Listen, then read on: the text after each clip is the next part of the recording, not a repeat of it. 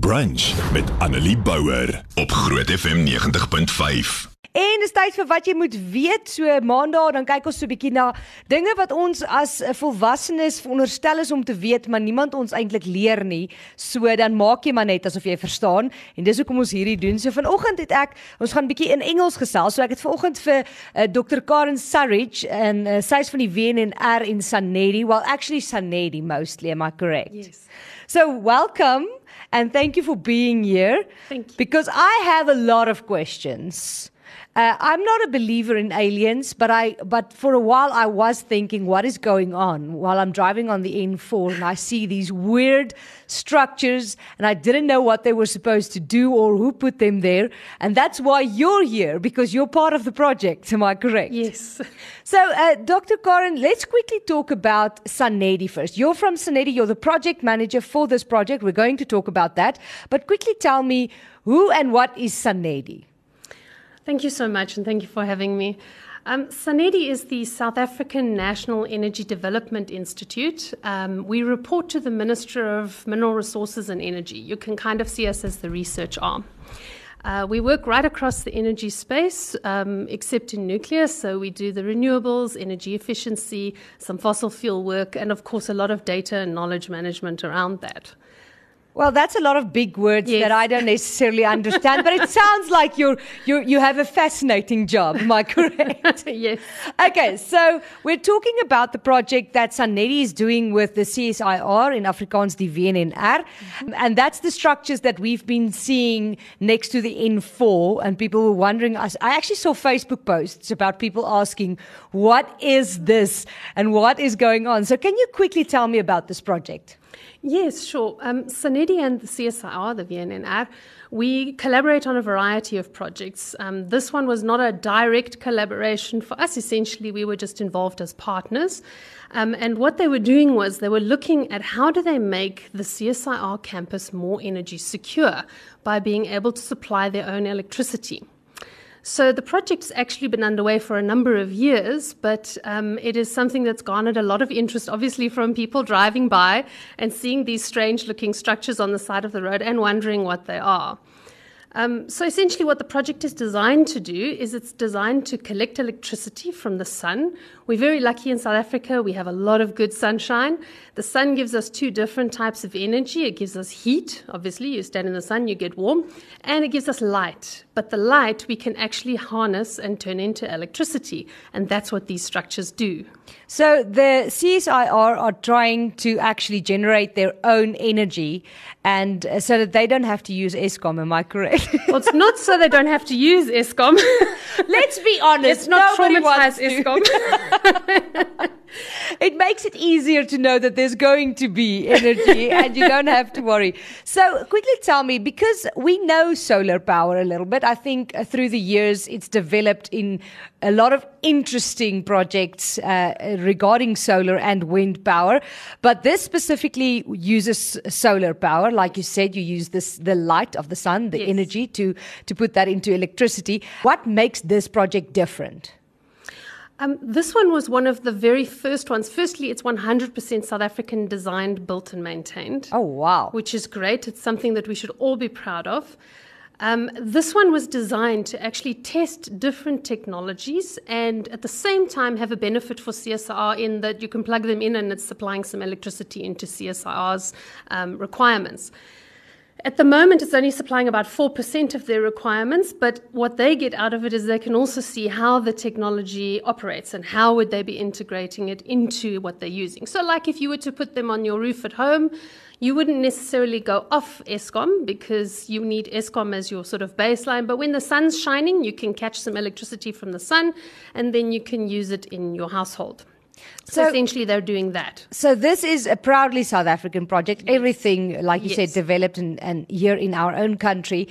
Doesn't sound like a lot when you say four percent of the CSIRs uh, what they're using. Yes. But it's a huge campus, and obviously they use a lot of electricity. So if you have to put it into normal human human being use, how much electricity would that be?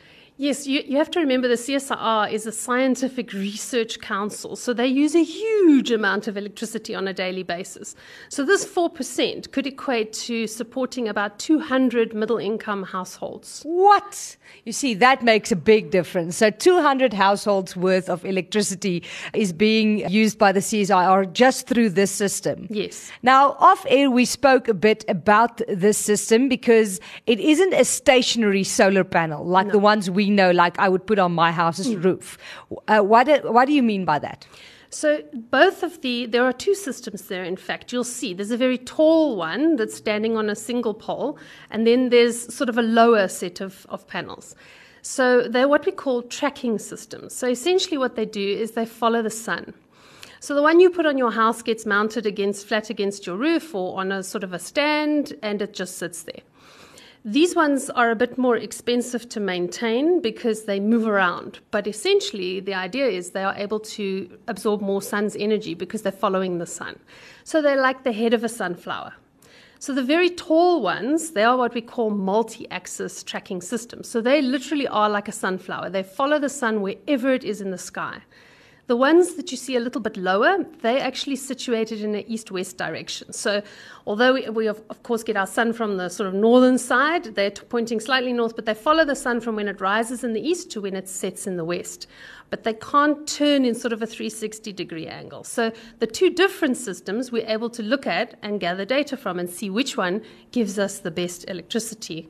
This is seriously interesting stuff. I I love it, especially to think that we are at a stage where we built this and developed this in our own country. And uh, just before we get to some of the questions I said that I'm going to ask you, I'm just looking here at WhatsApps that uh, listeners are sending through. So I'm going to ask you uh, about that.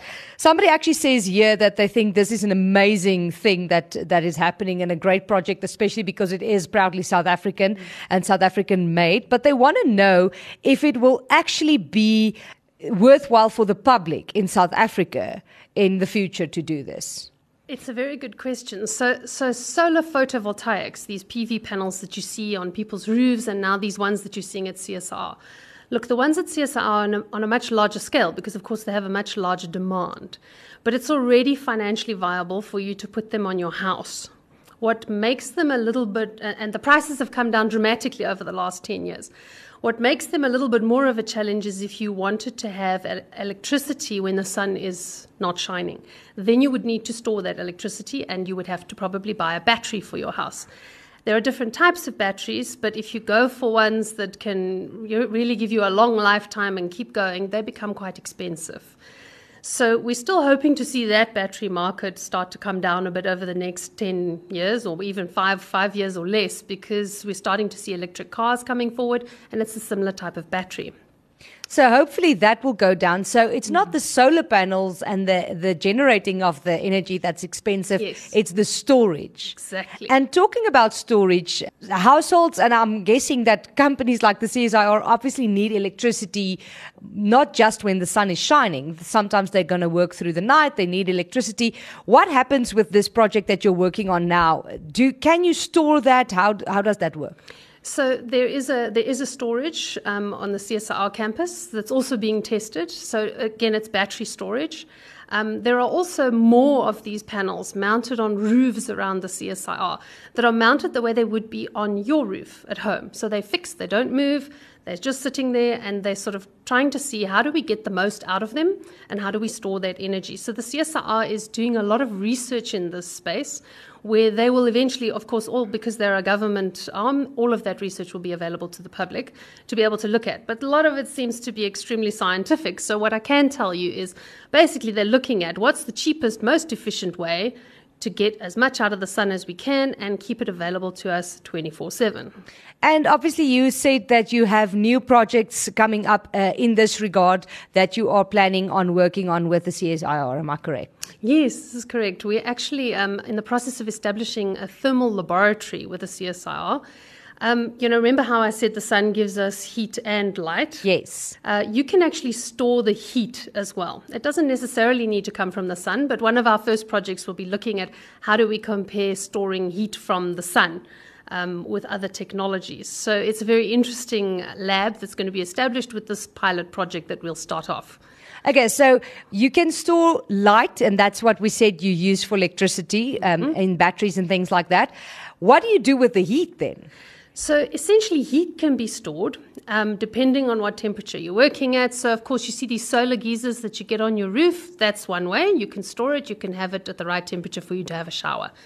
But South Africa has several large electricity plants that store heat for generating electricity. So essentially, what we do is we get heat out of the sun, we use it to heat up water, which generates steam, which drives a turbine and generates electricity onto the grid. Works the same as the Eskom power station, but instead of burning coal, we're using the sun. And these guys can operate 24 7 as well because they can store that heat. That is amazing. Dr. Karen, thank you very much for your time today and explaining this to us, uh, especially me. Uh, I usually don't understand these things, and I think you did a great job. Thank and uh, we are excited for those new projects that you are going to be working on, and hopefully that that will actually work and that the research can be used in South Africa for the public as well later on. Definitely. Thank you so much for having me. Annelie Bouwer. Weekoggend tussen 9 en 12 op Groot FM 90.5.